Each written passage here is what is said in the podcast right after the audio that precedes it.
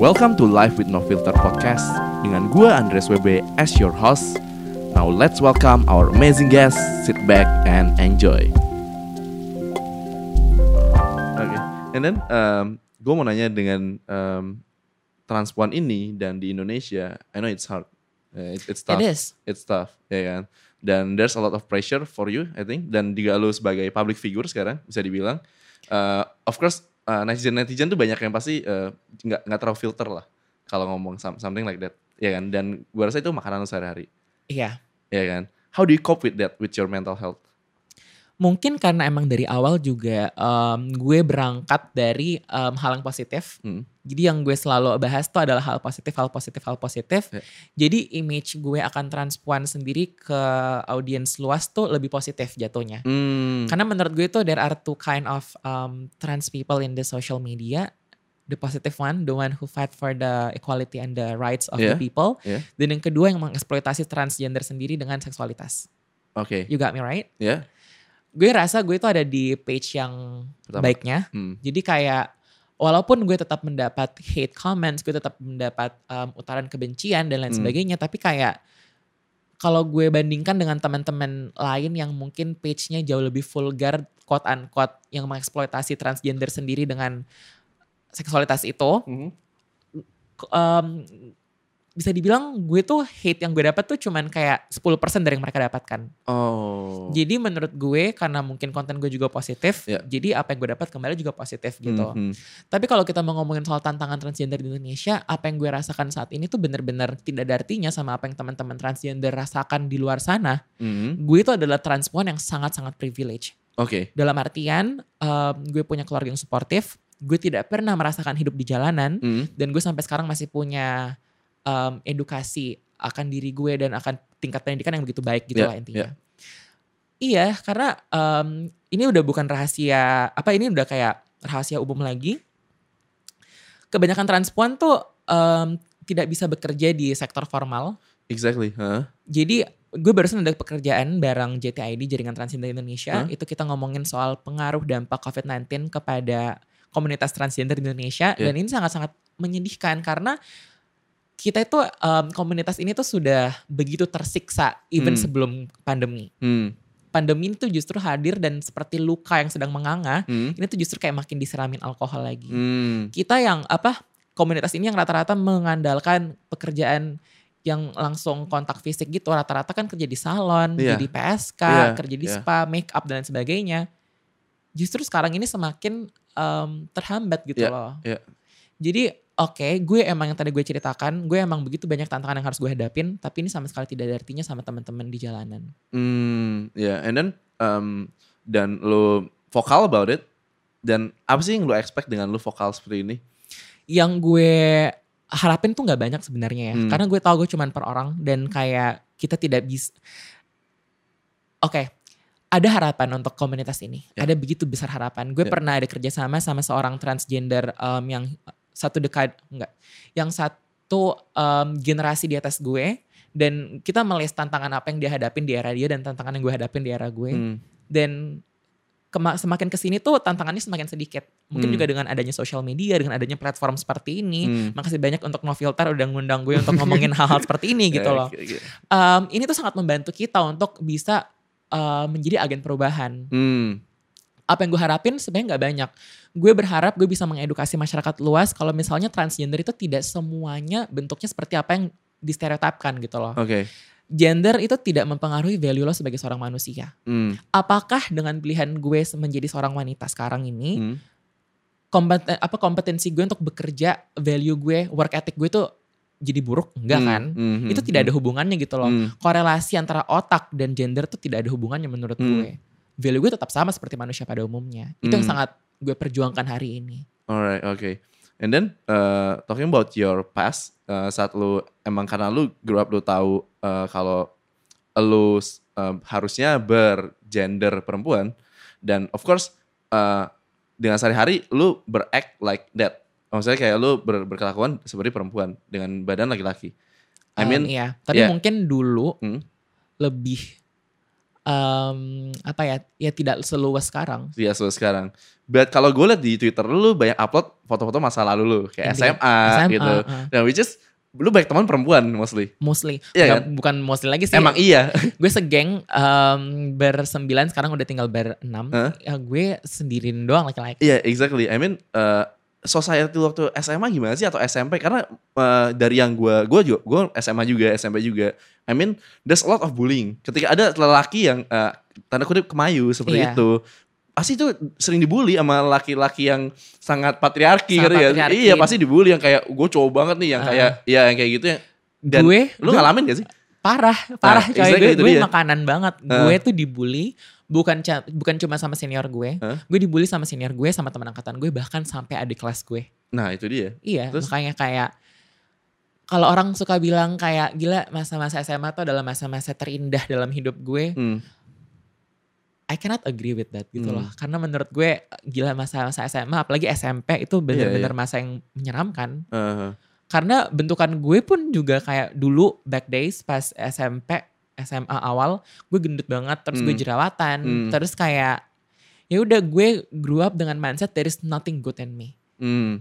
Gue gendut, gue jerawatan, gue um, kemayu gitu loh. Hmm, hmm, hmm. Dan gue sering dibully, tapi menurut gue bullying yang paling menyakitkan tuh adalah saat adalah seorang senior gitu bilang kalau gue punya anak kayak Ian bakalan gue buang gitu. Terus kayak Oh, wow. I grew up with that mindset karena gue kayak iya sih I agree with that. There's nothing good in me. Oke. Makanya kayak sekarang kalau misalnya gue sudah ada di stage ini, gue melihat masa lalu itu sebagai hal yang tidak mau gue benci. Hmm. Tapi itu adalah masa-masa yang mau gue syukuri. Hmm. Gue selalu bilang, aduh gue pengen banget saat gue meditasi dan saat gue lagi um, mencoba untuk talking to myself, gue pengen banget bisa ngobrol sama Ian di masa kelam itu dan gue cuman Hmm. pengen kayak makasih ya, makasih banyak lo tidak menyerah, makasih banyak lo tetap bertahan gitu. Oke. How do you survive with that? I mean, it's it's a it's a harsh moment for you, like SMP dan SMA gitu. Iyalah apalagi kayak um, gue gak tahu sih bentuk sekolah kalian yang mendengarin seperti apa. Cuman Iya, bentuk iya. sekolah gue kan kayak koridor-koridor gitu. Iya iya. Gue bisa saking gue takutnya ngelewatin koridor Iya, iya. senior, gue Heeh. bisa kayak nyari jalan yang jauh banget biar kayak gak perlu melewati mereka Oh, semua God. gitu loh. Uh, Tapi itu sih yang sekarang gue syukurin kayak aduh makasih banyak ya untuk senior-senior dan orang-orang jahat di hidup gue berapa tahun yang lalu. uh, It shaped me. It, it shaped you, but how how do you manage to survive? Emang gimana cara lu bertahan di saat itu gitu? Apa yang di mindset lu di saat lu SMP SMA waktu makan bullyingin? Pokoknya gue harus bisa bertahan nih mau apa pun lo ngatain gue. gue harus bisa bertahan karena ya menurut gue um, you are your own support system. Even though gue tadi cerita gue punya satu geng, gue Mhm. bersembilan, Hmm. sekarang tinggal berenam. Eh, sampai sekarang pun mereka masih jadi support system gue. Di mana kayak mereka adalah Hmm. tempat pertama gue came out. Hmm. Mereka yang selalu kayak menemani dan meyakinkan gue kalau gue bisa. Dan kebetulan Hmm. kan gue orangnya emang outgoing dan gue tuh cheerful banget anaknya. Jadi saat gue dibully pun gue selalu berusaha untuk kayak oh ya udah deh. Even though it hurts ya, it hurts Hmm. a lot. Cuman Hmm. kayak gue untungnya bisa menghibur diri gue sendiri. Oh oke Iya. oke. Maksudnya dengan uh, lu punya support system juga dan di diri lu juga lu tipe yang cheerful dan lu bisa menghibur diri lu sendiri. Nah, tapi yang pengen gue deliver adalah Hah? lo jangan yang mendengar ini jangan sampai kayak berharap oke semua orang yang dibully harus bisa kayak Ian, semua orang yang dibully harus bisa mensupport diri dia sendiri. Oke. Gue itu kebetulan beruntungnya gue gue bisa menghibur diri gue Yes. sendiri, tapi Uh. banyak, begitu banyak Nggak- orang yang nggak semua orang gitu kan. Iya dan Uh, kayak kemarin gue barusan mempelajari kalau misalnya dari omongan-omongan orang itu akan bisa menciptakan trauma dan trauma itu bisa terekam di otak sampai 40 tahun lamanya. hmm, hmm. Dan akhirnya nanti someday in the future itu bisa men-trigger orang untuk melakukan hal-hal yang tidak diinginkan gitu loh. Hmm, hmm. Ada tulisan dibilang kalau lo mau membunuh orang, lo tidak perlu nusuk dia pakai pisau, lo nggak perlu um, meracuni dia, lo cukup menghancurkan mental dia aja. Itu udah Hmm. bisa membunuh orang. Iya. Makanya kayak, oke I'm so lucky that I can survive gitu. Hmm, hmm. Oke, dan uh, lu mau kalau ada hal yang pengen lu kasih tahu ke orang-orang yang mungkin dalam masa masih dibully dan lain-lain seperti itu, lu pengen ngomong apa ke mereka? Gue pe- cuman pengen bilang kayak um, selalu ingat hari-hari buruk itu tidak akan it, it won't last forever. Hmm. Ini adalah realita jahatnya, tapi emang di dunia ini tuh all you have is yourself. Ah, oke. Jadi cuman dua, either lo bisa cope with it dan berdamai dengan itu, Hmm, atau it will just end Oke. that way. Ya, ya, ya, ya, ya, ex- exactly, exactly. Uh, now I want to talk about your work di Jan Hugen. Lu sebagai penulis, Oke. alright. inspirasi lu dari tulisan-tulisan lu apa sih? Kayak apakah itu emang pengalaman pribadi lu semua atau karena karena di Twitter lu lu lumayan tipe yang aktif di Twitter Iya. dan lu banyak tanda kutip curcol di sana. curcol Iya banget ya, that's why apakah di Ian Hugen ini juga tempat curcol lu sebenarnya? beragam sih ya em, tulisan-tulisan gue tuh lebih kayak ke mostly pengalaman pribadi Hmm. tapi gue juga sering kalau misalnya gue lagi merasa kayak tidak ada yang bisa gue bahas gue sering kayak jadi tempat gue emang sering jadi tempat curhat orang gitu loh Oke. jadi menurut gue So you're a good listener. I guess Ya. gue sering akhirnya mendengarkan cerita orang dan kayak oh ternyata ada ya kisah seperti ini dalam kehidupan gitu dan akhirnya gue tulis gitu jadi begitu beragam sih Oke, so it it comes from a lot of inspiration True. yang akhirnya lu tuangkan dalam tulisan itu. iya Oke, lu mulai nulis sejak kapan sih?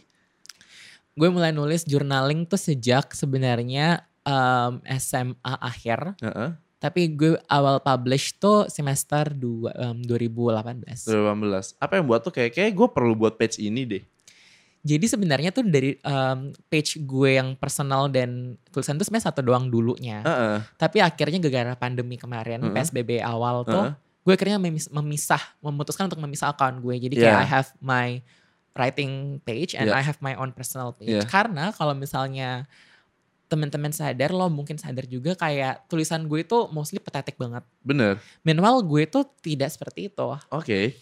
tulisan gue itu adalah alter ego gue sebenarnya. Oh gitu. Gue dulu adalah tipe orang yang tidak bisa mengekspresikan kesedihan. Oh. Gue tidak bisa untuk mendeliver kesedihan itu karena gue selalu ngerasa, aduh gue nggak mau burden siapa-siapa. Heeh. Mungkin karena dengan mindset yang dulu nyokap gue tanamkan, Heeh. as, long, as long as it doesn't burden anyone, Heeh. gue selalu ngerasa tuh kalau gue curhat ke orang tuh itu justru membebani orang, itu memberikan orang energi-energi buruk gitu loh. Hmm. Sampai akhirnya gue ketemu sama seorang em, dosen namanya Monica Hapsari. Hmm. Um, terus beliau tuh waktu itu intinya kita tuh disuruh membuat karya gitulah. Hmm. Yang Hmm. gue submit tuh adalah tulisan-tulisan gue. Oke. Terus beliau tuh bilang, eh tulisan lo ini bagus banget. Hmm. Ini ada soulnya, ini tuh ada nyawanya gitu. Hmm. Lo coba tekunin deh. Gue yang dulu ngerasa tulisan gue cringe banget. Gue dulu ngerasa, iya lo apaan sih ini galau banget deh.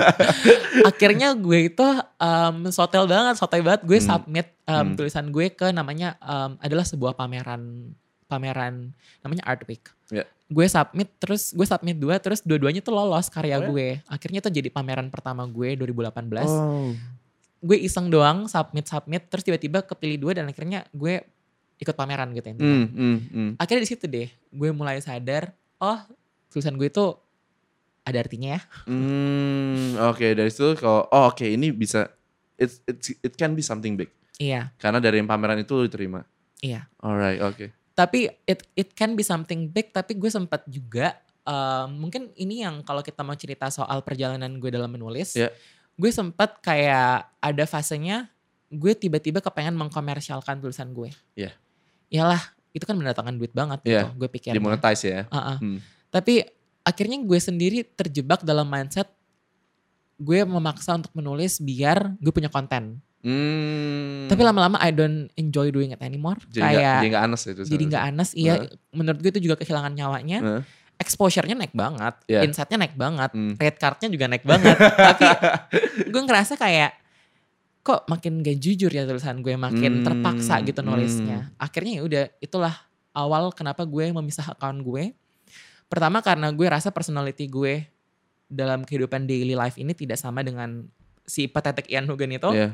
Yang kedua karena ya udah gue akan mempost itu tanpa jadwal. Hmm. Gue akan mempost itu saat gue emang mau menulis aja gitu. Oke, jadi lu lebih eh, jadi lebih idealis. Iya emang. Iya kan? Kayak ya udah kalau gue mau cari duit, gue cari duit aja lewat personal life gue, Iya, bukan iya. lewat karya gue. Iya, iya. Oh, Oke. Oh, wow, that's cool. Eh, terus menurut lu mm, kalau misalnya nih lu dikasih kesempatan buat eh Oke, of course lu udah mulai mengambil kesempatan itu dengan lu menjadi vokal di berbagai media, ya kan, di berbagai platform. Tapi kalau ada satu kesempatan, misalnya em, lu bisa membuat em, mencanangkan satu undang-undang, misalnya. Oke. Oke, satu undang-undang, satu rules di negara ini.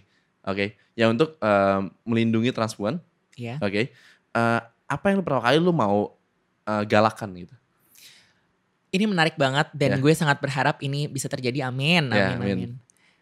Kita selalu berpikir soal memperjuangkan hak asasi, hak asasi manusia. Ya.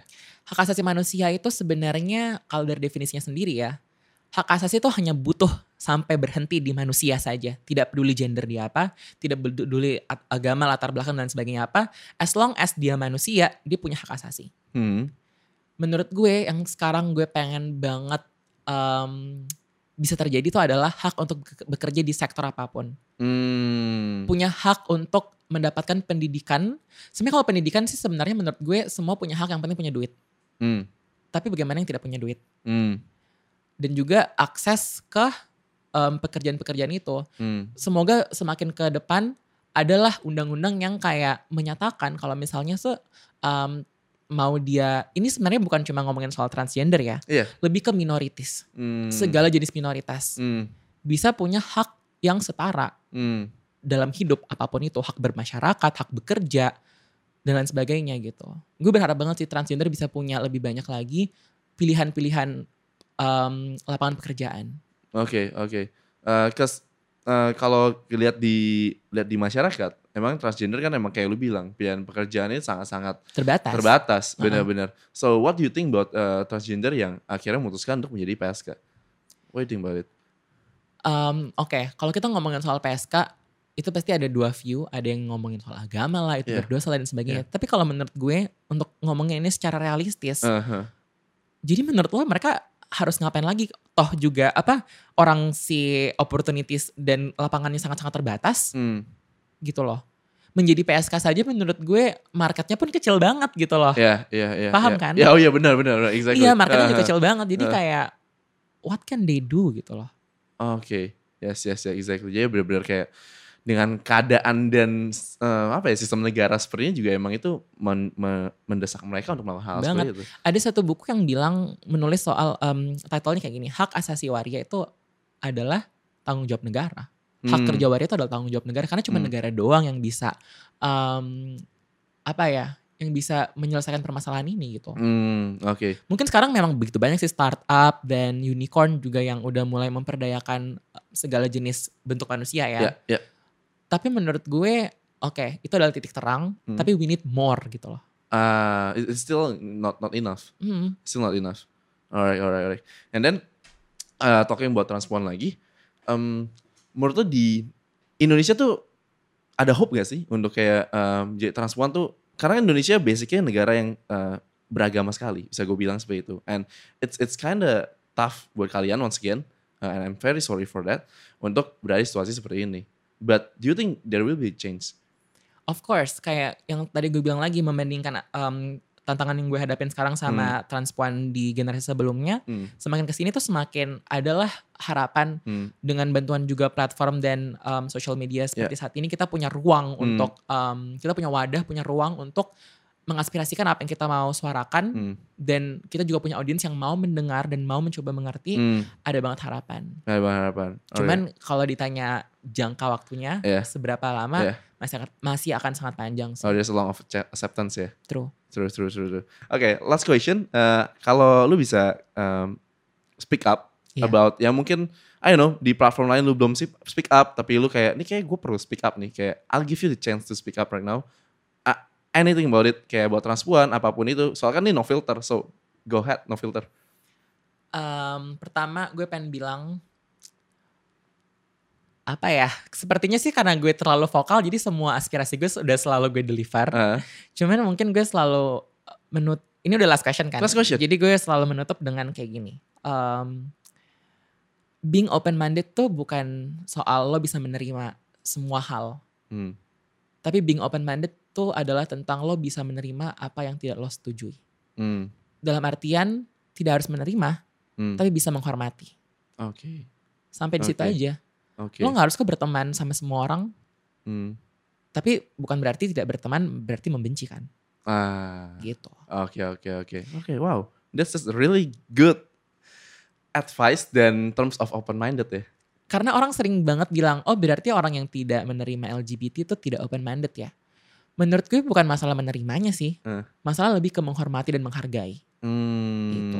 alright alright oke thank you so much uh, Ian Hugen udah kembali. mau, mau datang di podcast kita Live with No Filter dan thank you for your insights about uh, transpuan dan hopefully gue sangat-sangat berharap ini bisa mengedukasi banyak masyarakat Amin. sehingga transpuan lebih bisa diterima dan bisa disetarakan hak asasinya dan segala macamnya itu. Alright, thank you. Uh, I have so much uh, insight and fun talk with you. Me too. Alright, thank you. Bye bye. Bye.